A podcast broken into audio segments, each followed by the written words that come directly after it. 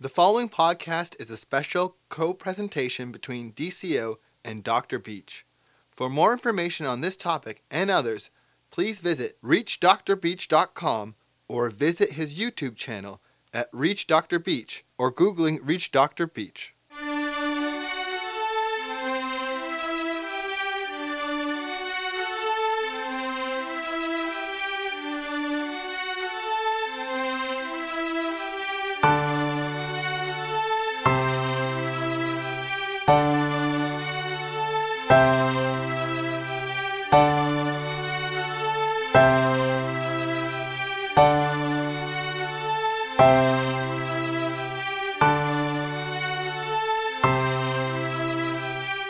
Hi, this is Dr. Beach. In my last video, Stalkers Part 2, I covered the rejected stalker, the most common type of stalker, and often the most dangerous.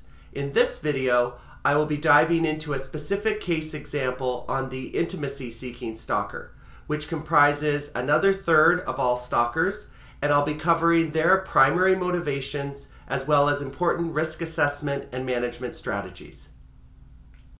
Margaret Peggy Ray first made the news when she was arrested at the Lincoln Tunnel for failing to pay a toll. Normally, this wouldn't be newsworthy, but Peggy had stolen the car from celebrity David Letterman, a late night talk show host.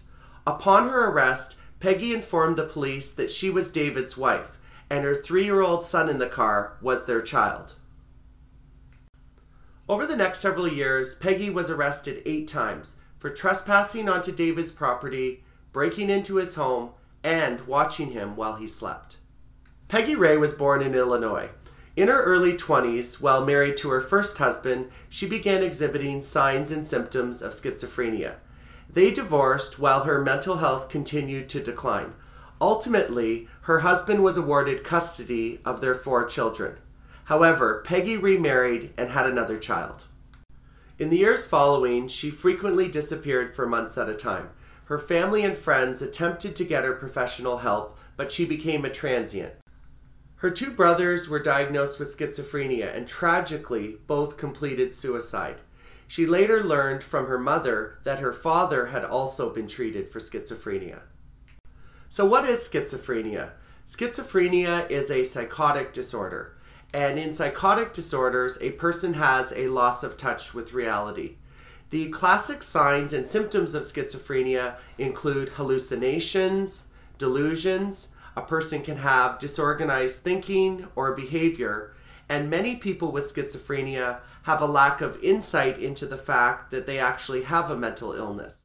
Now, in Peggy's case, as is classic with many intimacy seeking stalkers, delusions are predominant.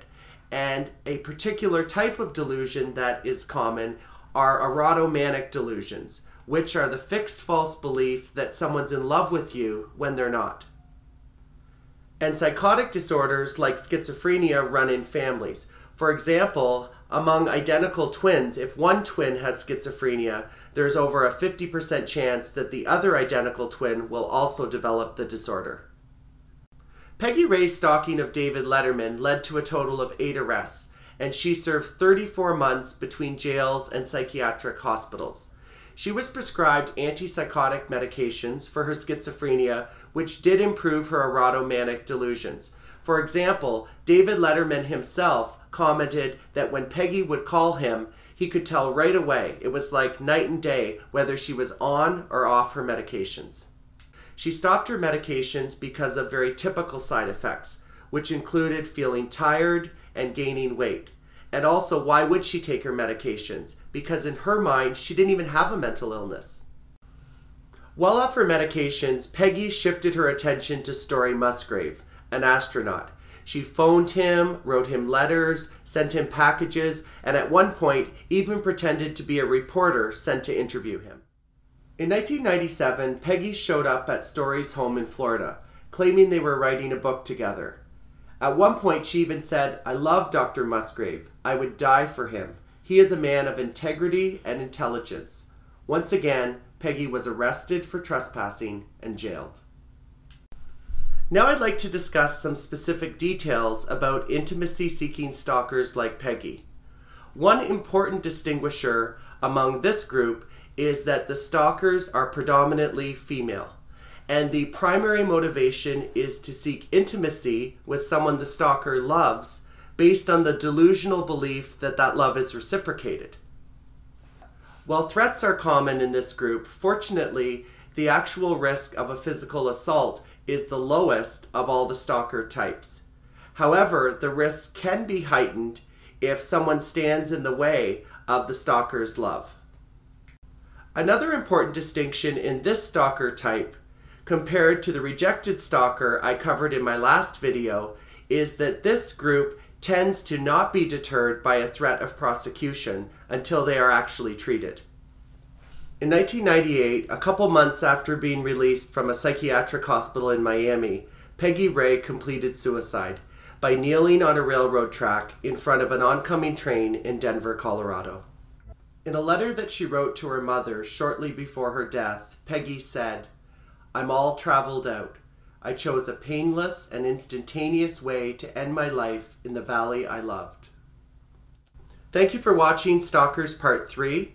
Please join me for my next video where I'll be covering a real life example of the incompetent stalker. Thank you for listening to the Learning Forums podcast series.